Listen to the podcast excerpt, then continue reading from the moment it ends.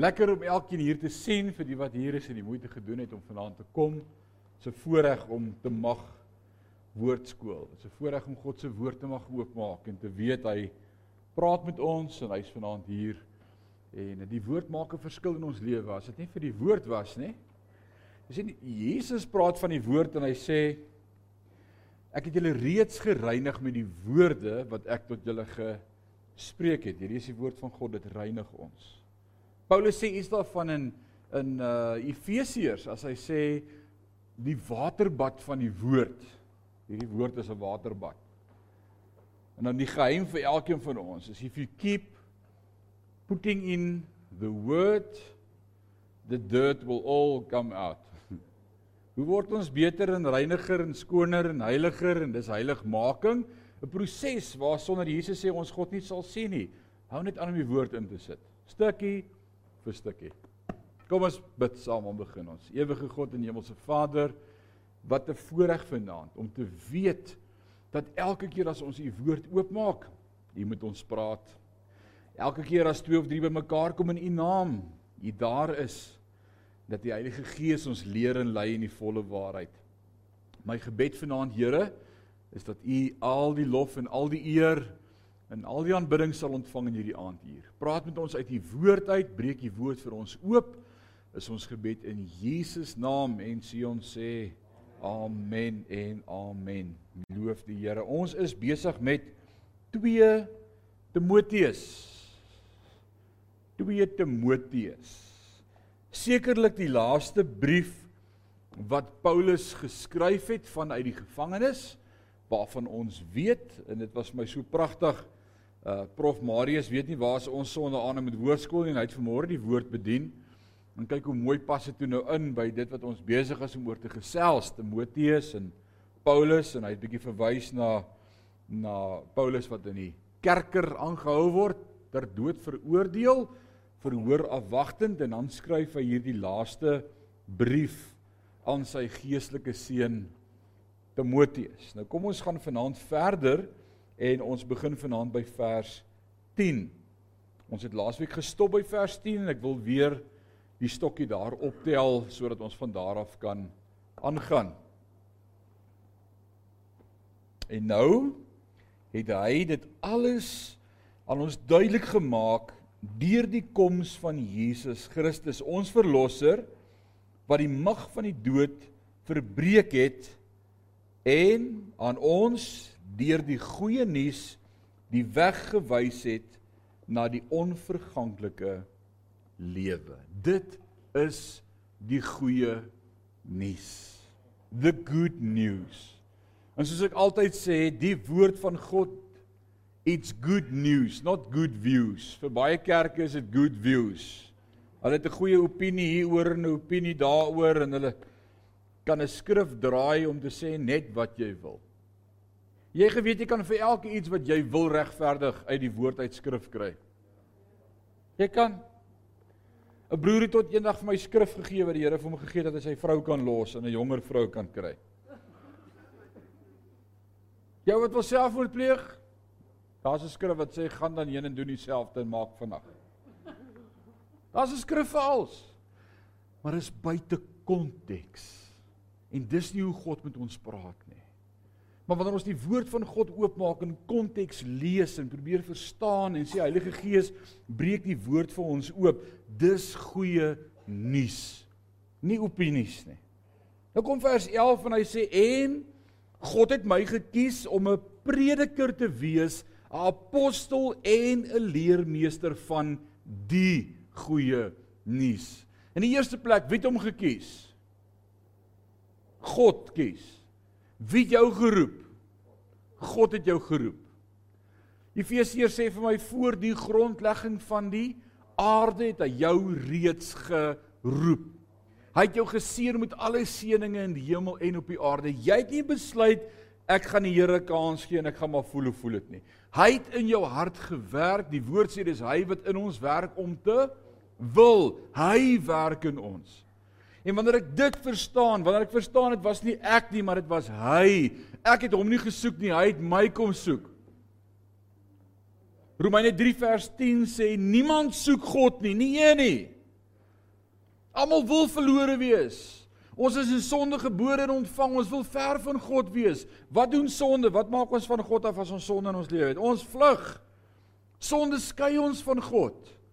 Maar sy gees het in my kom klop, kom roep, kom werk, kom wil, het my begin verander totdat ek uitroep en sê ek gee oor. Solank as wat ek dink dit was ek gewees. Was daar so 'n bietjie van 'n arrogansie en 'n ooh, ek het tog my hart vir die Here gegee, ek's beter as jy. Maar as ek verstaan wat dit regtig beteken dat God my kom roep het, dat hy my kom soek het, dat hy 'n werk in my begin het wat hy sal volëindig Filippense 1 vers 6 dat hy in my werk om te wil dat hy my voor die grondlegging van die aarde alreeds uitgekies het om aan hom te behoort. As ek dit verstaan is ek God so dankbaar. En al wat ek kan sê soos ons vanmôre gesing het i stand amazed in the presence of Jesus of Nazareth dat hy vir my wat 'n sondaar was ook liefde kon hê. Dis hoe wonderlik verbasend groot man. Dan wil ek nie teruggaan na die varkhok toe nie.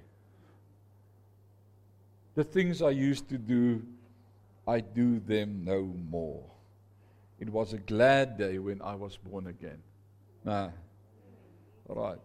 So Paulus sê ek is ek het God het my gekies om 'n prediker te wees, 'n apostel en 'n leermeester van die nuus. So, hy sê ek is hier in die gevangenis omdat God my geroep het. My preek, my lering, alles is verskillend. Nou daai woordjie preek is die Griekse woordjie kuruso wat beteken om God se boodskap te verkondig. Baie mense preek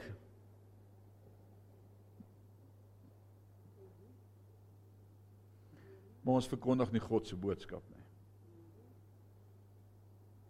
Baie mense is baie goeie predikers. Maar hulle preek nie God se boodskap nie. Ek onthou toe ons jare gelede, jare, seker 100 jaar terug, toe ons op vakansie was, 1 Junie, Julie vakansie daar by Badplaas. Wie van julle ken vir Badplaas? Ah, Mpumalanga. Met die karavaan Julie maand 3 weke onder die bome. Dit was dit was ons ritueel gewees. In iewerster daar dan's daar so in die aand daar in die saal is daar dan's daar 'n Mario die kulkunstenaar vir die kinders en dan is daar weer een aand 'n uh, uh, ouens wat kom sing en die een aand was daar 'n talentkompetisie.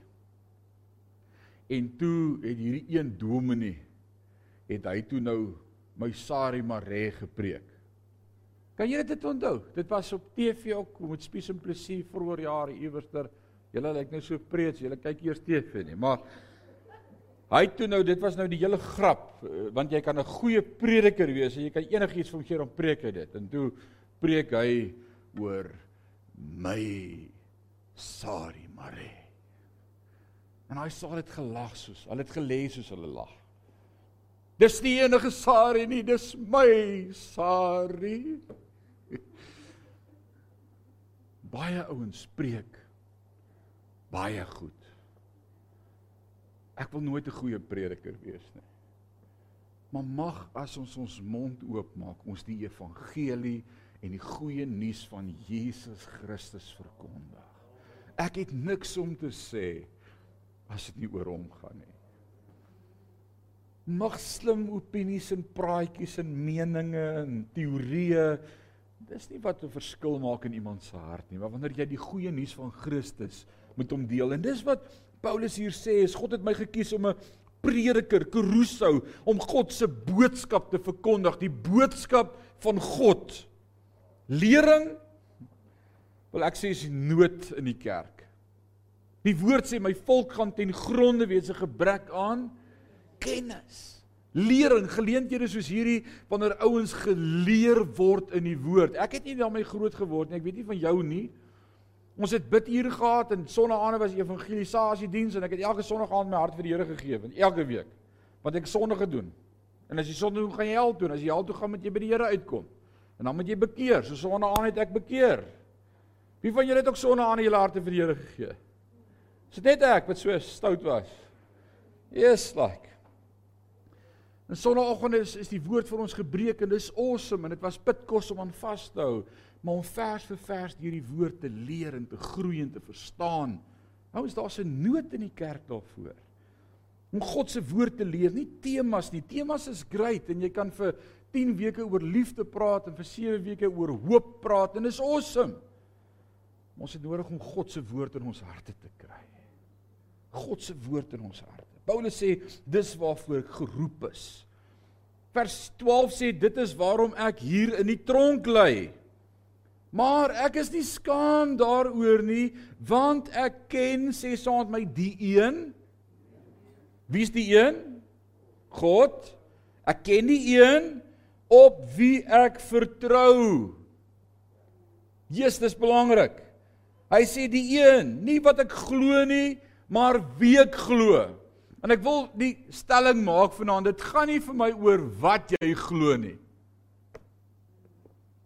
Baie mense glo baie verskillende goed. En ons kan vanaand verlang 'n debat voer oor wat jy glo. Hierdie ou sê ek glo as ek doodgaan, gaan ek in 'n ewige rus in. En hierdie ou sê ek glo as ek doodgaan, gaan ek reguit hemel toe. En hierdie een sê ek glo as ek doodgaan, gaan ek terugkom. Ek glo in reïnkarnasie. Ek gee nie om wat jy glo nie. Dis nie die kriteria nie. Dis in wie jy glo. En dis wat Paulus so mooi verklaar hier in vers 12 as hy sê dit is waaroor ek in die tronk lê, maar ek is nie skaam daaroor nie want ek ken die een op wie ek vertrou. So dis die vraag, ken jy die een in wie jy vertrou? Ken jy God? Ons vanmôre het prof so mooi gesê, dit gaan nie eers of jy God ken nie. Die vraag is eintlik ken God jou? Oh man. Paulus sê verder, hy sê en ek is seker dat hy sal bewaar wat hy aan my toevertrou het tot op die dag van sy koms. Ek hoor baie keer mense sê, "Ooh, die duiwel het gekom om te steel. Ooh, hy's te vroeg dood. Ooh, hy moes nie siek geraak het nie. Ooh, dit was nie van die Here nie." Paulus het 'n ander verstaan gehad van God se autoriteit. Dis hy wat in Filippense 1 vers 6 ook in die gevangenis is as hy in die gemeente in Filippi skryf en vir hulle sê die werk wat hy begin het sal hy klaarmaak tot op die dag van Jesus Christus. Hy quoteer hierdie weer in vers 12. Hy sê en ek is seker dat hy sal bewaar wat hy in my toevertrou het tot op die dag van sy koms. As Paulus hier in die tronk moes sit en wonder nou waar's die Here nou? Wat het skeef geloop in my lewe? Het ek nie genoeg tiende betaal nie? Hoekom seën die Here my nie meer nie? Hoekom is ek in die tronk? Hoekom het ek nie die geleentheid om vry aan te gaan en te werk vir die Here nie? Wat het ek verkeerd gedoen? Was daar sonde in my lewe? Straf die Here my? En dis die geestelike geloofskrisisse waardeur ons as kinders van God gaan wanneer die bus se wiele soms afval in ons lewe. Maar Paulus verklaar selfs in hierdie situasie, God hou in stand wat God bedoel het totdat God sê dis klaar. En ek dink dis wat nodig is vir my en vir jou in ons krisisuur om te bely. Wat glo jy? Ek glo die werk wat God begin het, sal God klaarmaak. Ek glo ek sal nie 1 sekonde voor wat God bestem het uitleef op hierdie aarde nie. Wanneer my streepie getrek is wat God bepaal het, dan eers sal ek sterwe en nie 'n sekond verhoor nie. Ek glo God se wil sal geskied in my lewe. Ek glo hy is in beheer van my lewe. Waar kry ek dit? God se woord sê so. God se woord sê so. So wie jy vertrou met jou goed, alles behoort aan die Here.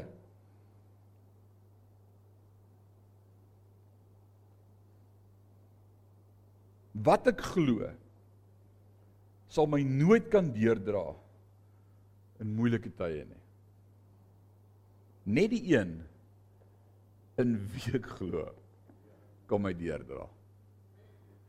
En daarom het baie mense teologie, Baie mense het teologie, baie mense het geloofs-oortuigings, baie mense het opinies.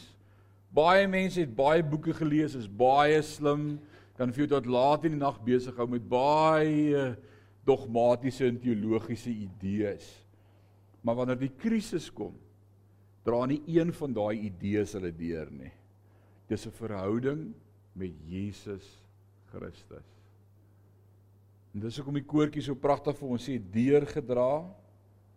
Hy het my deurgedra deur die storms van die lewe was hy altyd deur getrou. Vers 13 sê hou vas. Sê saam met my hou vas. Waaraan moet ek vashou? Waaraan moet ons vashou? Aan die maatstaf van gesonde lering wat jy van my geleer het. En onthou om die lewe in die geloof en liefde wat jy in Christus het. So waaraan hou ek en jy vas in hierdie lewe? Want ek wil vir jou sê as jy nie vashou nie, gaan jy gly. In hierdie tye wat ons beleef, die ekonomie, die wêreldpolitiek wat besig is om plaas te vind, die tonele wat by die dag drasties verander. Hoe volke en nasies teen mekaar in opstand kom in die in in besluite net so gemaak word. Dit wat nou gebeur tussen Rusland en die Oekraïne en hoe uh Israel ewe skielik betrek word as 'n middelaar en skielik moet Israel nou help besluite neem en probeer om hierdie twee te versoen en op die einde van die dag gaan albei kwaad raak vir Israel. Rather they stay out of it. maar wie bepaal dat hulle betrokke raak? God werk in ons om te wil. En of jy ons nou die Here ken of nie ken nie, God is in beheer. En ons sien hierdie puzzelstukkies raakskuif en ek wil vir jou sê hou vas aan die maatstaf van gesonde lering wat jy van my geleer het sê Paulus vir Timoteus. En ek wil dit vanaand vir jou sê if it's new it's not true. If it's true it's not new. Staan al 2000 jaar vir ons opgeteken. Daar's niks niets onder die son nie. En as iemand kom met 'n openbaring of 'n dit of 'n nuwe uitkyk op dinge of 'n nuwe verstaan, as dit nie die woord is nie, is dit nie die waarheid nie. Hier is die waarheid. Right? Vers 14 sê bewaar met die hulp van die Heilige Gees wat in ons woon, die kosbare skat wat aan jou toevertrou sê saam met my is. Elkeen van ons het 'n kosbare skat. Jy het dalk sê vanaand vir my, maar ek weet nie wat is my skat nie. Ek weet nie wat 'n skat is om my toevertrou nie. Dan moet ons saam met jou bid dat die Here vir jou wys wat is jou skat, maar hy het in elkeen van ons 'n kosbare skat gedeponeer. Dis hy wat in ons werk om te wil. Maar wat sê hy? Bewaar met die hulp van die Heilige Gees. Wanneer het ek en jy die Heilige Gees ontvang? Toe ons God se God se kinders geword het, né? Nee dat hy in ons kom woon. Hy sê en bewaar met die hulp van die Heilige Gees wat in ons woon, die kosbare skat wat aan ons toevertrou is. Soos jy weet, het al die Christene wat uit die provinsie Asië hier aangekom het, my al in die steek gelaat. Selfs Figel uh Figelus en Hermogenes is weg. Arme Paulus. Hy verstaan van om gedrop te word. Want die oomblik toe dit moeilik word. When the wat sê hulle? When the going gets tough, the tough gets nee anders. Hoe sê hulle? When the When the going gets tough, the tough gets going.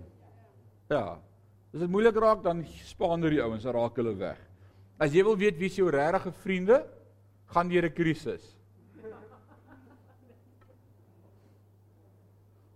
Ek praat vandag met 'n groot vriendin van my wat so jaar gelede, 'n paar maande gelede haar man net dood afgestaan het. En sy sê vir my: "Dit's maklik as almal sê, praat net as jy iets nodig het."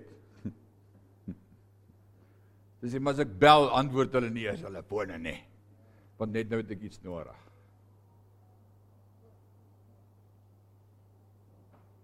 As jy wil weet wie jou vriende? Dis die ouens wat saam met jou is in 'n krisis. As jy sit en ellendig voel, as jy sit en huil, as jy voel jou aarde word geskit, die ouens wat dan by jou is, dis jou vriende. Sadrag, Mesig en Abednego saam in die vuuroond. Dat 'n pastoor ander dag vir my gevra het, "Waar dink jy was Daniël?" Ek nee, dis 'n goeie vraag. Waar was Daniël? Jy het iets om aan te dink. Alraai.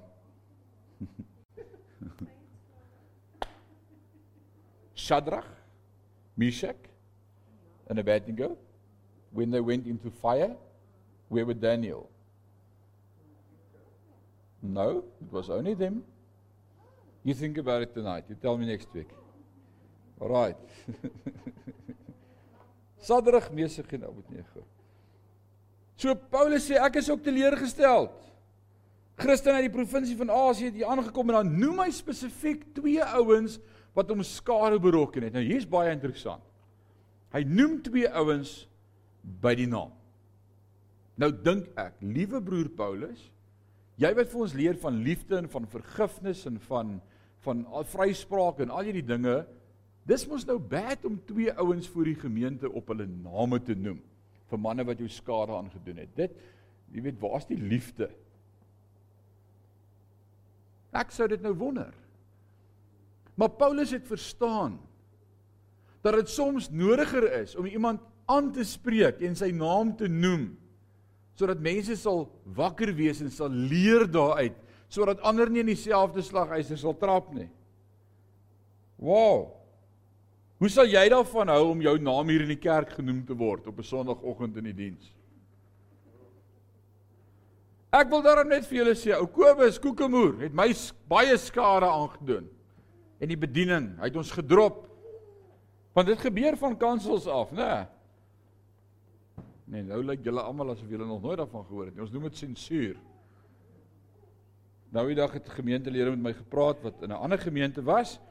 En toe hulle daardie gemeente bedank en besluit om by ons aan te sluit, toe's daar daardie Sondag in hulle afwesigheid 'n groot teleurstelling uitgespreek teenoor die gemeente vir hulle dros en dat hulle nou na die apostolies toe verhuis het. Oh man. Wel Paulus noem hierdie twee droppers by die naam. En ons is soms bang om te sê wie ons skade berokken het en wie ons gedrop het. Paulus is nie bang daarvoor nie. En ek wil sê soms moet ons die waarheid in liefde praat want as ek nie die waarheid spreek nie, kan iemand anders dalk ook seer kry. En daarom is dit soms belangrik om die waarheid in liefde te spreek. Right? As ek gif in my medisyne kassie bære. Ek het 'n Panado botteltjie in my medisyne kassie. En in daai medisyne kassie, Panado botteltjie bære ek bietjie muurgif. En ek het nie 'n ander bottel gehad op daai oomblik nie. En iemand kom by my met my medisyne kas en sê, "Kan ek maar vir my medisyne kry?" En sê, "Jong, iewers tussen hierdie botteltjies is daar gif, maar ek wil nou nie die gif op die naam noem nie." Sal dit wys wees? Nee, dit sal dom wees. So Paulus noem die gif gif. Hy sê Figelus en Hermogenes Hulle is gif, pas op vir hulle. En dan sê hy in vers 16 mag die Here ontferming aan Onesiforus en sy hele huishouding bewys. Want hulle het my dikwels besoek en bemoedig. Hy was nooit skaam omdat ek in die tronk is nie. Toe hy na Rome toe gekom het, het hy oral gesoek totdat hy my gekry het. Mag die Here aan hom ontferming bewys op die dag van Christus se wederkoms en jy weet hoe baie hy my in Efese gehelp het. Nou hier's 'n baie interessante paar sinnetjies wat vir my iets laat aflei tussen die lyne van wat Paulus eintlik hier tussen vers 16 en vers 18 vir ons sê. Want in kontras met Figelus en Hermogenes was Onesiforus die teenoorgestelde as hierdie twee broers wat hom gedrop het. Nou let gou 'n bietjie op die laaste paar verse alles met betrekking van Onesiforus skryf hy in die verlede tyd. Het jy dit gesien toe ons dit nou gelees het? Hy het my dikwels besoek en bemoedig. Was nooit skaam omdat ek in die tronk is nie. Toe hy na Rome toe gekom het, het hy oral gesoek totdat hy my gekry het en my gehelp het. sien jy dit? Dit is alles verlede tyd. Dinge wat laag gebeur het. Nou waar is hierdie man Onesiforus?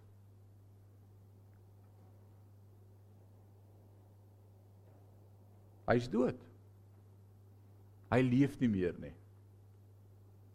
Maar terwyl Paulus hierdie brief skryf en met Timoteus share van hierdie twee broers wat hom skade aangerokken het, is daar oor ek dankbaarheid in hom teenoor hierdie broer en dan onthou hy wat hierdie broer alles vir hom gedoen het. En is asof hy dan intree vir hom by God en sê mag daar ook vir hom genade wees op die dag van Jesus Christus. Is dit nie pragtig nie? Wanneer jy aan mense dink in jou lewe wat jou gebless het, wat nie meer daar is nie, is daar 'n dankbaarheid in jou hart vir hulle. Weet jy waarvan ek praat? Ons mense in my lewe wat vir my baie beteken het en elke keer as ek aan hulle dink dan praat ek met die Here oor hulle. Dok Gorak was so 'n persoon in my lewe gewees. Hy hy hy het my die liefde vir die woord kom leer in konteks en verband en en elke keer as ek aan Dok dink dan dink ek as dit nie vir hom geherd was nie. Het ek nog storieetjies gepreek Sondag. Maar hy het my kom leer om lief te raak vir die woord. En elke keer as ek aan hom dink, dan dink ek, Here, o, oh, bless hom in die dag wat ons by U gaan wees. As ons voor die troon gaan staan en loon ontvang, mag hy 'n dubbele loon kry. Ek ek eer U vir hom. Dis wat gebeur. Daar's dankbaarheid in ons harte. Wanneer ek dink aan my oupa, aan my oupas en my oumas wat almal lief was vir die Here en vir wat hulle my geleer het. Elke keer as ek aan hulle dink of hulle gedagte kom in my op, ek stap laasweek by my ma in en sy's in die kamer en ek gaan sit daar by die speelkas op die op die tafel op die op die stoeltjie en ek kyk so op die speeltafeltjie en hier's oupa Polla en ouma Letty. En toe ek die foto sien, toe in my hart is daar dadelik sommer Ag Here, dankie vir die awesome voorreg om hulle te kon ken en hulle was sulke godsmense wat lief was vir U en dis dis wat gebeur. En dis awesome, dis wat Paulus hier doen, maar hy hy leef nie meer nie, hy's reeds dood. En dan vers 19 sê groete aan Priscilla en Aquila en en dan bevestig dit my gedagte Onesiforus se gesin. Want anders sou hy mos net vir hom groete gestuur het. Maar hy kan nie want hy's by liewe Jesus. Hy's reeds hemel toe. Hoofstuk 2 vers 1. Kom ons gaan aan. Daarom Timoteus, my kind, staan sterk in die genade wat God deur Christus Jesus aan jou bewys het. Daarom Timoteus, my kind, staan vas in die genade wat God deur Christus Jesus aan jou bewys het. Wat sê hy vir my? Sê wees sterk in die genade. Sê saam met my genade. Garus. Ek en jy wil sterk wees op ander gebiede in ons lewe, is dit nie so nie? As ek nou hierdie brief moes skryf en ek moes dalk skryf van Jock en Grant of Christian of Sean of een van die jong manne in die gemeente, dan dan sou ek vir hulle dalk iets anders hier wou sê. Werk aan jou swakpunte. Werk aan daai swak gesondheid van jou. Daai bietjie wyn wat jy moet drink vir die maag.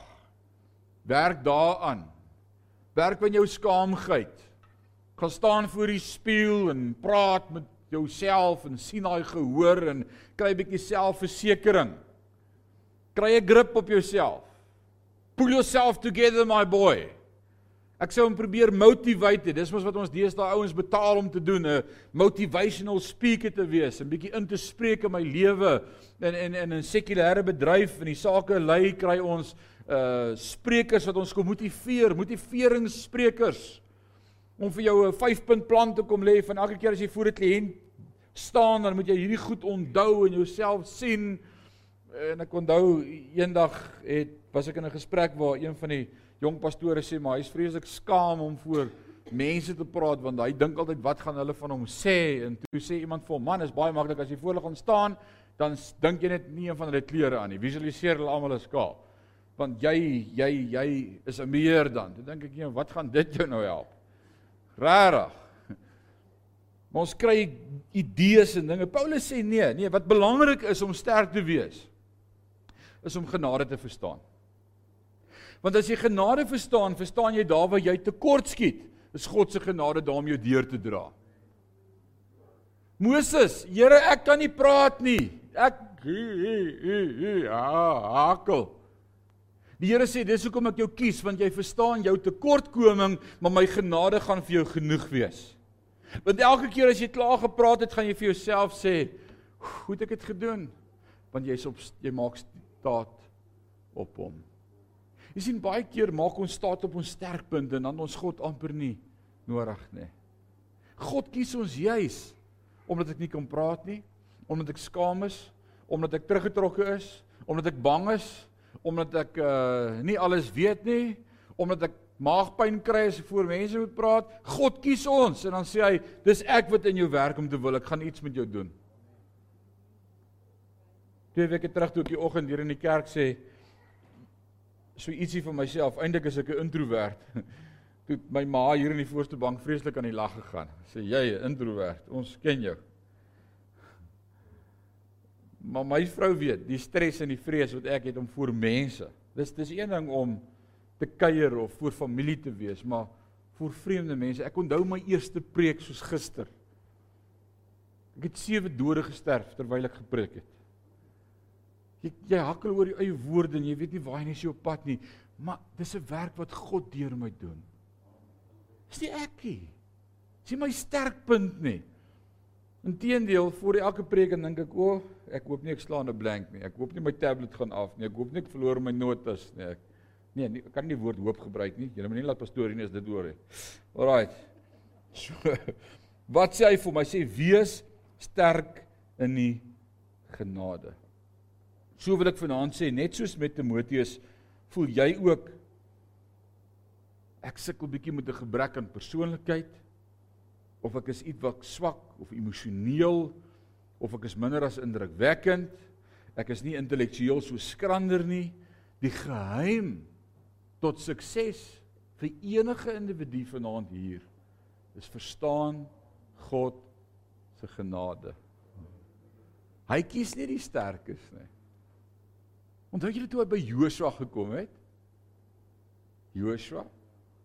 Hæ? Al die geloofshelde wat God so kom roep het. Hulle het aan hulle self gedink as nietig, swak. Moses sê ek kan nie, ek hakkel. God sê ek sien iets in jou. Dawid die skaapwagter, God sê jy het potensiaal. God is hoe God werk. En dwars deur die Bybel, ek dink as ons die Bybel moet skryf of moes God wees en karakters kies, in stories dan sou ons ander manne gekies het wat anders gelyk het. God gaan kies 'n Abraham. 'n Abraham wat bang was vir die arme ou keiser wat sy vrou voorstel as sy suster. Hy lieg. Hy maak 'n eie plan, hy vertrou God nie, hy vat sy slavin. Maar God sê ek sien iets in hom raak. God sien ander dinge in mense raak as wat ons raak sien in hulle. Ek dank die Here, hy sien iets anders in my en in jou raak as wat ander mense raak sien. O, ek dank God vir genade. Sê saam my genade. Loof die Here vir sy genade. Vertrou die waarhede vers 2 wat jy voor baie getuies van my gehoor het. Toe aan betroubare mense wat bekwam is om dit aan ander deur te gee. Hierdie is een van die sleutelverse vir my bediening.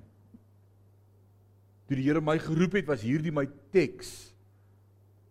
Hierdie betroubare woord wat ek aan jou toevertrou wat jy gehoor het van my, lewer dit net so weer oor vir die volgende ouens. Ek wil sê een van die siektes van ons tyd of die probleme vir alles wat kom by studie en onderrig, ons ouens wat besig is om te swat en vakke te skryf, is om plagiaat te pleeg. Deesdae vir elke vraestel wat jy invul, Jock, Sean Grant, julle weet, vir elke artikel wat jy tik, word daai artikel geverifieer op 'n blad wat vir jou sê nee, het jy 3 sinnetjies van daai ou gekwout en het jy 2 sinne van daai ou gekwout, jy het plagiaat gepleeg. Daar's nie meer ding van copy and paste van Google af nie. Jy kan nie, dis plagiaat pleeg. Dis nie jy nie. Inteendeel, dit wat vir ons geleer word is wees oorspronklik, wees kreatief, wees vars, dink nuut uit die boks uit. Maar ek wil vir jou sê as dit by God se woord kom, by die bediening kom, pas kreatiwiteit en dink vars niks. Daar is dit net God se woord. En dis die verskil. Te veel ouens in bedieninge wil hierdie woord laat nuut en vars klink en anders op dus en ander dinge byvoeg om dit te laat werk en dit bietjie revive en in 'n versie so bietjie afstof en ander dinge laat sê as wat dit eintlik sê en dan maak jy die woord van God kragteloos. Maar nou kom Paulus met hierdie raad. Hy sê vertrou die waarhede wat jy van baie getuies van my gehoor het toe aan betroubare mense wat bekwame is om dit aan ander deur te gee. Wees net bereid om dit wat jy gehoor het te share. Sal wat jy moet doen. Wees net bereid om dit wat jy gehoor het te share. En dit was deel van die sukses vir elke ou wat in die bediening suksesvol is, is om nie om nuwe dinge te probeer uitdink nie, maar daai woord te vat en dit net so te share met ander. As jy elke Sondag aand woordskool kom vat, 'n paar notas maak en dit net so gaan share met ander, gaan hulle vir jou sê, hoorie, so wanneer kom share jy weer met my die woord? Ek wil leer. Want wie sê dit? God se woord sê dit. Sê ek nie, sê jy nie. So share God se woord. Vers 3 sê verduur saam met my lyding soos 'n goeie soldaat van Christus Jesus. So nou gebruik hy metafoor, hy gebruik beeldspraak En die eerste beeldspraak wat ons hier ontdek vanaand in hoofstuk 2 is die metafoor van 'n soldaat. Alraai. Net gou die hande sien, wie was almal vroeër jare betrokke by die SAW of by die lugmag of by die korrektiewe dienste, een of ander of by die vloot? Wie was 'n vloot? Niemand. Alraai. So hier's 'n paar wat hulle hande opsteek. Hulle sal verstaan. As jy verduursaam met die leiding van 'n goeie soldaat vir of van Christus Jesus, geen soldaat raak verstrengeld in die beslommernisse van hierdie lewe nie, want dan kan hy die een wat hom van sy leer of vir sy leer gewerf het, nie tevrede stel nie. So die eerste prentjie vanaand is 'n weermagsoldaat.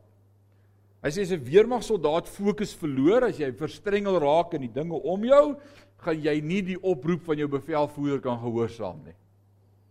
Jy moet jou fokus hou, gefokus bly op die groter prentjie, jou opdrag wat jy gekry het om uit te voer. Nou dis 'n baie interessante stelling. Wie van julle is lief vir geskiedenis? Lees graag geskiedenisboeke. Dis 'n paar wat van geskiedenis hou. Kom ons dink bietjie aan geskiedenis. Wie van julle onthou die D-dag? Die begin van die einde van die Tweede Wêreldoorlog. Die dag wat alles gebeur het. Dit was die 6de Julie 1944. Half 7 die oggend. Aan die suidkus van Frankryk. Toe om en by 24000 troepe, Amerikaners, Britte, Kanadese soldate voet aan wal gesit het oor die met bote oor die water gekom, daai wat so tot so teen die strand ry en dan val hy voor flap oop en dan begin hulle hardloop. Imagine Ben as ek en jy daai eerste soldate was wat eerste sou uithardloop daar aan die grens van Frankryk. Ek en jy die dood in die oë gestaar. Ons het geweet ons gaan 10 teen 1 met ons lewe betaal. Hier's 24000 troepe wat kom. Eventually gaan ons 'n breek maak. Maar die eerste man het almal met hulle lewens betaal. Jy het deur die lyke van jou buddy gehardloop en toe nader aan daai kraanse begin opklim en van hulle is geskiet, van hulle teruggeskiet. Eventually het daar 'n groep bo uitgekom en het hulle daardie gedeelte terug begin veg wat die einde was, die begin van die einde van die Tweede Wêreldoorlog. As dit nie vir die dag was nie, sou dit nie gebeur het nie. Maar die helfte van daai troep het met hulle lewe betaal. Nou vra ek vir myself, wat het daai troepe gemotiveer om nie in die see te spring en terug te swem nie? Ek wonder as dit vandag ons Suid-Afrikaanse weermag sou wees. Of ons dieselfde sukses sou gehad het. Dalk het hulle nog op die boot gesit en slaap. Ek weet nie. Sal interessant gewees het. Maar wat het daardie ouens motiveer en gedryf om verby hulle self en vrees te beweeg en die groter prentjie te sien? Die geskiedenis leer ons dat hulle dit gedoen het uit respek vir hulle medesoldate en vir hulle bevelvoerder as ook die vryheid van hulle land waarvoor hulle geveg het. Nou kom Paulus en hy gebruik hierdie metafoor van 'n soldaat as hy praat oor my en jou en as hy praat met Timoteus dan sê hy verduur saam met my die lyding soos 'n goeie soldaat van Christus Jesus. Geen soldaat raak verstrengeld in die beslommernisse van hierdie lewe nie, want dan kan hy die een wat hom vir sy leer gewerf het nie tevrede stel nie. Paulus kom nie hier by Timoteus met 10 goeie teologiese redes hoekom Timoteus gehoorsaam moet wees aan hierdie saak nie. Inteendeel, hy gee net een rede. En hy sê omdat die bevelvoerder en die medesoldate vir ons belangrik is, bly ons getrou tot die dood. Sjoe. Snap jy hom vanaand? Hoekom hou ek aan? Hoekom bly ek getrou? Hoekom bly ek glo? Hoekom bly ek steun op God? Hoekom bly ek vorentoe beur ter wille van my medegelowiges? Maar groter as dit, ter wille van die een wat sy lewe vir my gegee het. Geen prys was vir hom te groot om te betaal nie. Wat is die bietjie lyding wat ek vir hom kan deurmaak? Inteendeel Paulus is een van die enigste disippels wat so skryf daaroor wat sê ek ag dit vreugde As ek kan medelee hê aan sy lyding, as ek kan een word met hom sodat ek ook 'n stukkie kan dra van dit wat hy deurgegaan het vir my. Jesus, ons is so bang vir pyne. As ek 'n pyn kry, dan drink ek 'n pil vir die pyn. Ek moet net nie 'n pyn hê nie. En ek het 'n botteltjie vir elke pyn. Paulus sê ek agter vreugde want ek weet ek ly saam met hom wat vir my gelei het. Man. Dan kom hy met die tweede metafoor. Toe hy het gepraat oor 'n soldaat en nou kom hy by 'n atleet. Hy bring nou hierdie prentjie van 'n atleet en kan ek gou sien al ons atlete steek gou julle hande op. Almal wat atlete was iewers in jou lewe. Dalk toe jy 3 was by die kinder okay, almal wat atlete was. Alraight. Atleet word nie gekroon as hy nie volgens die reëls deelneem. Nou verander hy sy metafoor, hy verander sy prentjie. Hy het nou oor 'n weermag gepraat en hy dink jy's nie dalk is dit te hoog vir die ouens om te verstaan. Dit klink te sad en sorrow. Kom ons praat 'n bietjie oor atleet. Nou die voorbeeld, atleet is 'n ou wat hardloop of deelneem aan 'n wedloop.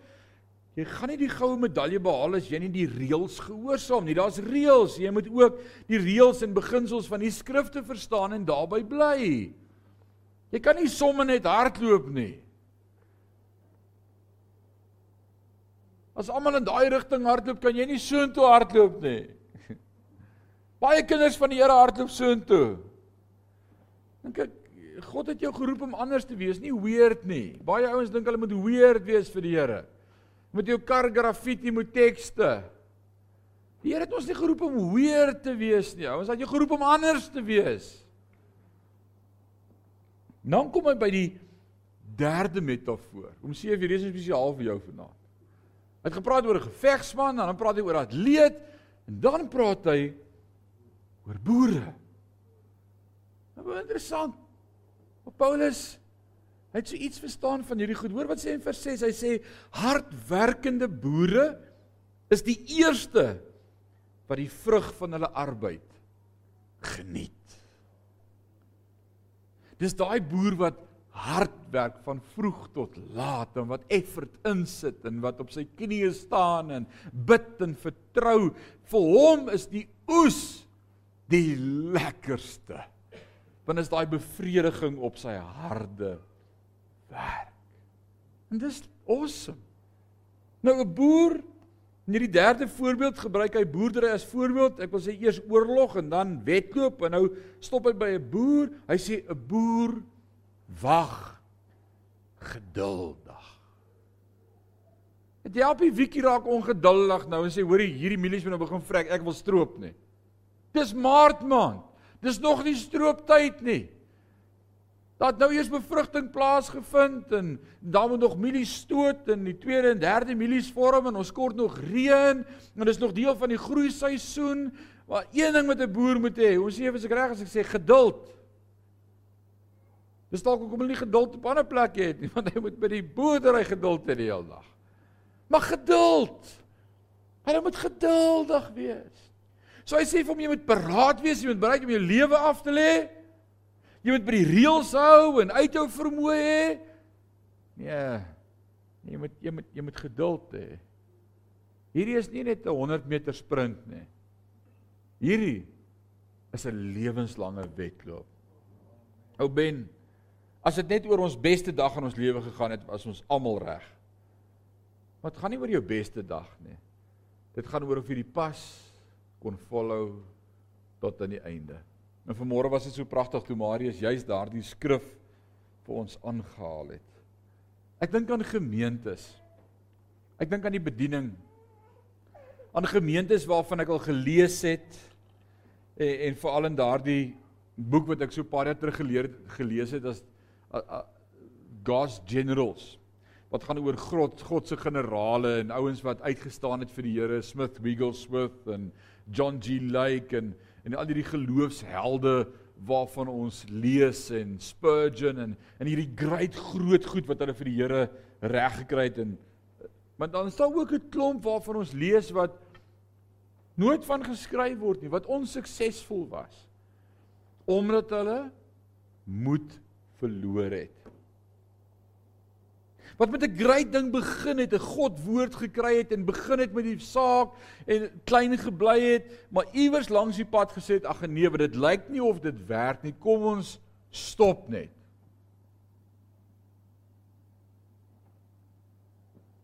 En dan omdat hulle nie geduldig aangehou het en gewag vir die vrug nie, het hulle die oes gemis.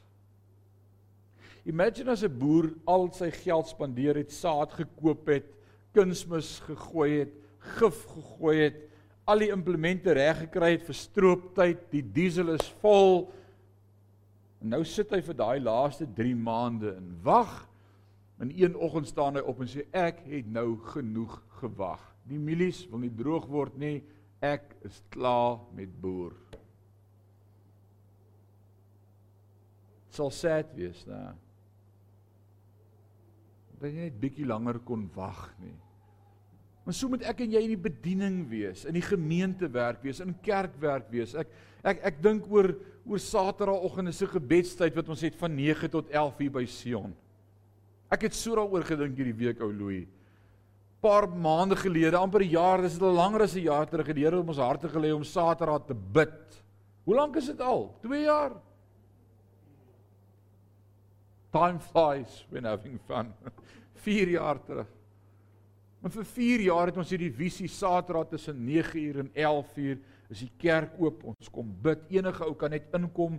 Hier's nagmaal, die musiek speel. Kom sit net en bid vir ons gemeente want 'n gemeente wat nie bid nie sterf. Dis net so.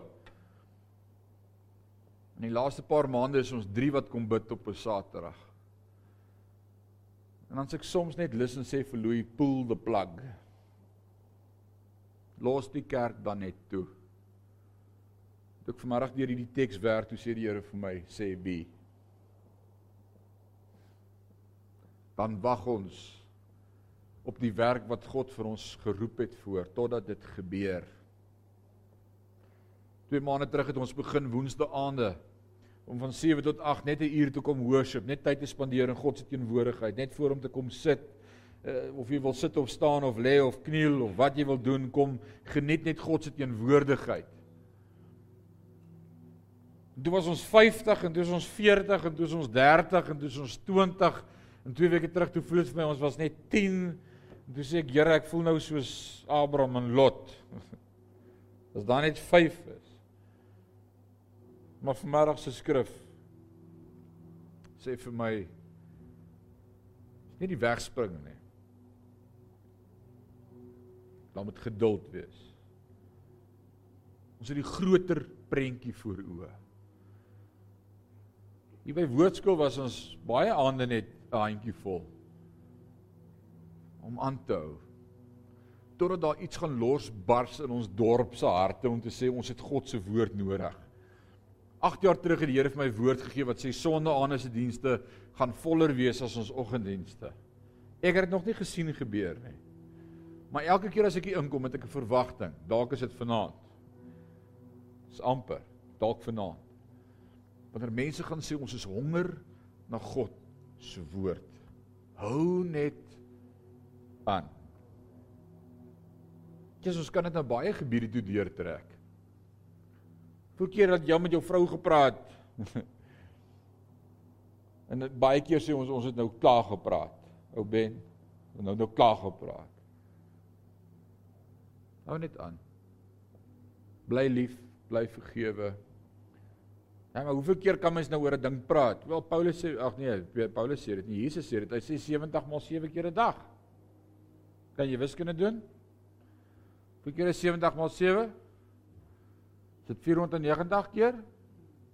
En eintlik sê die oorspronklike teks 70 maal 70 maal 70 maal 70 maal 70. Dis eintlik die gedagte wat Jesus daar uiter as hulle vir hom sê, nou, "Hoeveel keer moet ek vergewe?" Dan is dit eintlik hierdie gedagte, hierdie prentjie wat hy skets, hierdie sê ding wat hy aanhaal wat sê Hou net aan. Ek het nog genoeg gehad. Ek het genoeg probeer. Ek het nou lank genoeg gebid en die Here voorsien nie. Ek gaan nou op. Jy hou nie op nie. Ek vermaan jou vanaand in die naam van Jesus Christus, jy hou nie op nie. As jy vriende het wat vir jou sê hou op, dan is dit nie vriende nie. Maar tyd dat ons mense om ons het wat inhaak en vir jou sê jy gee nie op nie. Pastoor, al is ons een, hou ons aan. Het jy dit? Sê vanaand uit my hart uit met iemand. Dalk voel jy ek gee op, ek gee moeg, ek raak moeg. Maar nie moeg raak nie. Hy het sy lewe vir ons gegee. Hardloop die wedloop haal asem. Kry 'n glasie water daar by die by die ruspunt en dan vat jy maar weer die pas. Maar hy wat wag op die redding van die Here sal vertoef in die skadu's van die heilige God, die almagtige. Hou net aan.